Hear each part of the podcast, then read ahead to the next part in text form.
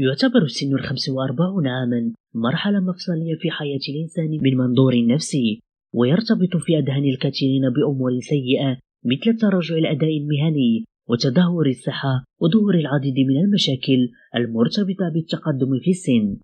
وفي تقرير للموقع الروسي أنه من السهل تجاوز كل المشاكل المرتبطة بهذه المرحلة العمرية الحرجة والمحافظة على الصحة الجسمانية والنفسية والتمتع بحياة مفومة بالنشاط حتى السن المتقدم لكن بشرط التخلي عن عادات سيئة سنقوم بعرضها لك في المقطع التعليمي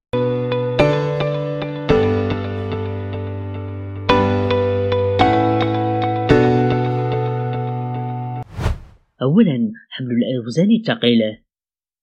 من المهم جدا تجنب الأنشطة البدنية الشاقة. وحمل الأوزان الثقيلة لأنها تؤثر على العمود الفقري والمفاصل خاصة بالنسبة لمن لم يتعود على ممارسة الرياضة. ووفقا للتقرير يبدأ النسيج الغضروفي في هذا السن بالتآكل وهو ما يؤثر على حالة الأقراص بين المرافق وتتزايد احتمالات الإصابة بالتهاب المفاصل والغضروف. وعوضا عن حمل الأوزان الثقيلة يمكن في هذا السن ممارسة رياضة معتدلة مثل التمارين الهوائية.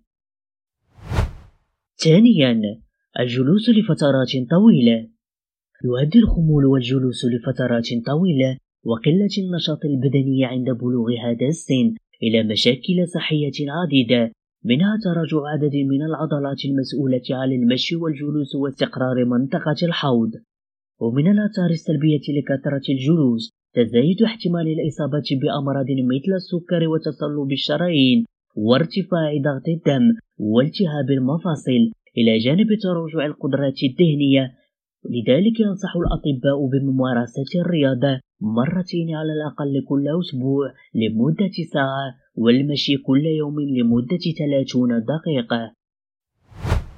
ثالثا التراخي في تطوير الذات من المهم جدا في السن الخامسة وأربعون ألا نفقد الرغبة في التعلم وتطوير الذات واكتساب مهارات جديدة.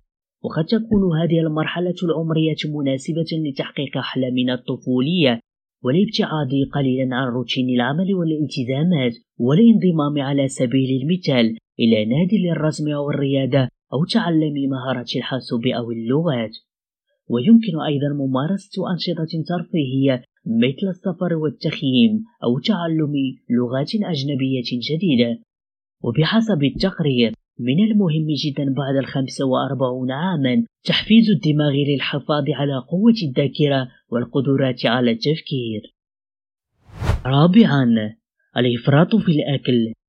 يمر الجسم في هذه السن بتحولات هرمونية خطيرة. حيث يتراجع إفراز الهرمونات الذكورية للرجال والأنثوية للمرأة مما يؤدي إلى انخفاض معدل الإياد لذلك فإن تناول الطعام بكمية كبيرة في هذه المرحلة العمرية يؤدي إلى زيادة سريعة في الوزن.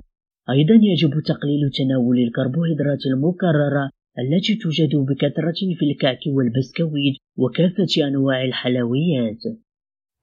خامسا الحمية القاسية.